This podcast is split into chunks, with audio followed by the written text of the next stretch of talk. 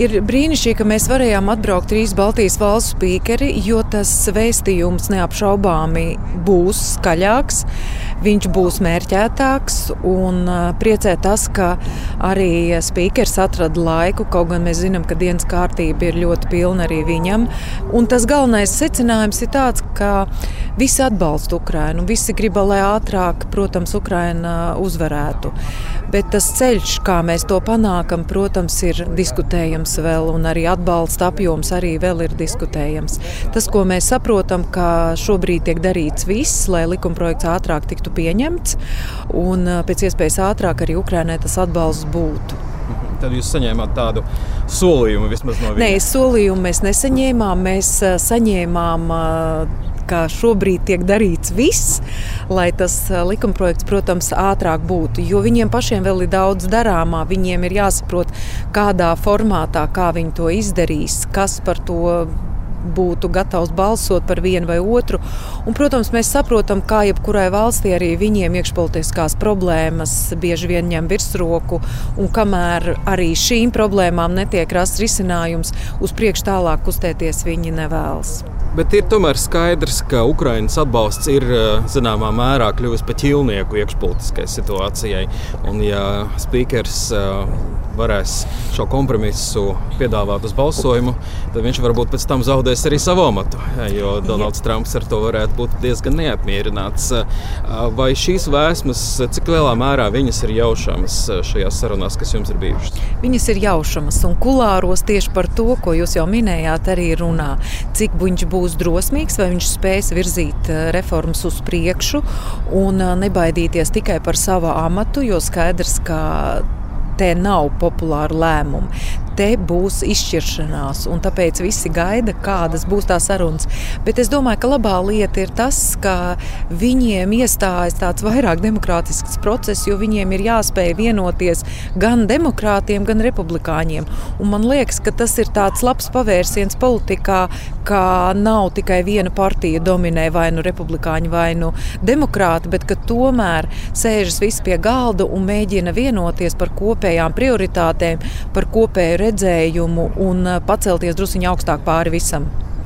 Vai jums ir sajūta, ka šeit, Kapitolijā un Vašingtonā kopumā ir izpratne, cik uh, aktuāla šī Ukraiņas drošības situācija ir Baltijā un cik ļoti mēs esam satraukušies? Vai viņi savelk tās paralēlas starp to, kā mēs jūtamies par savu drošību, kaut gan esam NATO un Ukraina, vai viņi tomēr skatās uz šiem jautājumiem nošķirti? Mēs katru reizi tiekoties gan ar kongresmeņiem, gan arī ar spīkeru, gan šobrīd arī vakar pusē tiekoties ar ārlietu komisijas vadītāju, uzsvērām, ka mums tā bēdīgā pieredze ir caur vēsturi. Mēs zinām, kāda ir Krievija, uz ko viņa ir spējīga, viņai ticēt nevar. Un, Caur to mēs arī esam šeit, lai parādītu, ka nu, tāda vienkārša risinājuma, vienkārša ceļa nebūs. Uz ko mēs saņēmām, protams, arī pretjautājumu, kā ir ar citām valstīm, kas atrodas tālāk no Krievijas, cik ļoti viņi izprot šo situāciju, ka agresoru valsts ir tepat blakus un cik ļoti apdraudēti. Mēs stāstījām arī par informatīvo karu, ko arī pati Amerika ir piedzīvojusi. Mēs stāstījām par to, ka šobrīd tiek diskreditētas Baltijas valstis un arī Polija, cik mēs esam nevarīgi, ka sliktie rietumi mēģina mūs dažādos veidos sašķelt, mēģina piedāvāt savu dienas kārtību, par ko mēs varētu strīdēties un aiziet no paša būtiskākā. Un to mēs vairāk kārt uzsvērām. Skaidrs, ka mums ir jāstāsta par to, jo šeit dzīvojot, viņiem droši vien tas redzējums ir mazliet citādāks. Tāpat viņi mums teica paldies par to, ka mēs tik atbildīgi izturamies pret savu aizsardzību. Un visas Baltijas valstis plāno palielināt savu aizsardzības budžetu līdz 3% agrāk vai vēlāk. Un tas ir ļoti apsveicami. Viņi minēja, ka būtu labi, ja tomēr mūsu piemēram sekot arī citas valsts, uz ko mēs, protams, atbildējām, ka mēs jau esam tie vēstneši, mēs ar savu labo piemēru arī rādām citiem, un tā pati Vācija, kas kādreiz varbūt savādāk izturējās pret savu aizsardzību, šobrīd mēs redzam, ka arī viņas apņemšanās ir jau 2% no iekšzemes koprodukta, un tas ir apsveicami, arī citas Eiropas valstis tam seko. Citas Eiropas valstis tam seko, jā, un tiešām arī visi jautājumi par dezinformāciju ir būtiski, bet šķiet, ka šeit no, ar dezinformāciju nodarbojas arī bijušais eh, prezidents Donalds Trumps un viņa ietekme, lai gan viņš nav aktīvajā politikā, tādā izpratnē, ka viņš nav nevienā amatā. Eh, viņš tomēr eh, pietiekami ietekmē savus kolēģus un saka, ka nu, Amerika jau tāpat daudz ir palīdzējusi un ka Eiropa nemaz nepalīdz un, un arī draud varbūt pat izstāties no NATO tādā vai citādā veidā. Cik pēc šīs dienas un arī kopumā jūs satrauc šie Trumpa draudi un iespējamā arī pat atgriešanās amatā? Nu, Katram ir sava retorika, kā uzrunāt savus vēlētājus, bet tas, ko arī Trumpa kungs varbūt uh, uh, šobrīd mēģina pasniegt, viņš mēģina pasniegt, ka mums arī pašiem jāpaskatās uz uh, to pašu aizsardzību, ko es jau minēju. Arī citiem, arī citām valstīm ir jāspēj aizsardzībā ieguldīt lielākus līdzekļus. Viņš jau faktiski saka to pašu, par ko mēs runājam. Tikai viņš varbūt to citādā, citādākiem vārdiem pasaka. Jums vēl ir tikšanās ar Nensiju Pelosī bijušo parlamentu priekšsēdētāju apakšpalātas. Ko tur gatavojaties runāt? Mēs gatavojamies pārunāt mūsu vienoto Baltijas nostāju, un, ka, protams, mēs ļoti vēlētos, lai arī Ukraina būtu NATO dalība valsts un ātrāk iestātos Eiropas Savienībā.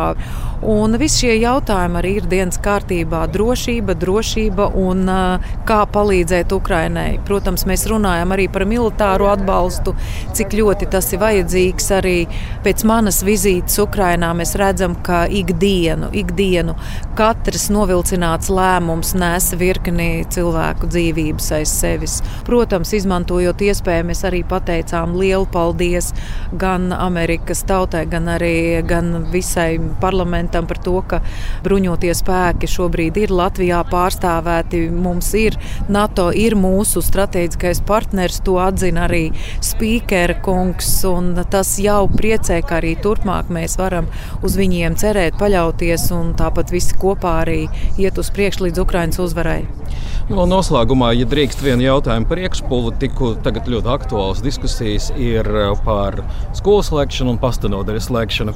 Vērojot šo diskusiju, jūs iepriekš esat izteikusies, ka neesat pārliecināti par Zaļo zemnieku savienības tādu varbūt pilnīgu atbalstu tai skolu reformas plānam. Un tagad vērojot arī to, kas notiek pastanodaļām, sevišķi laukos, kāda ir tā kopējā sajūta, vai jums šķiet tas valdības izvēlētais kurs uz tām reformām, ko viņi īsteno, ir Bumps. Ziniet, eh, reformas varbūt ir atbalstāmas, ja mēs redzam skaidru mērķi, ko mēs no tā iegūsim. Bet, ja mēs redzam, ka priekšā būs cilvēki, kuriem nebūs pieejami elementāri pakalpojumi, kaut vai tie paši pastu pakalpojumi, vai nebūs iespējams bērnu skolot, būs jāved viņi, viņš 50, 60 km, vai tas ir tas, uz ko mēs ejam. To mēs katrs varam sev uzdot. Tas ir varbūt tāds retorisks jautājums.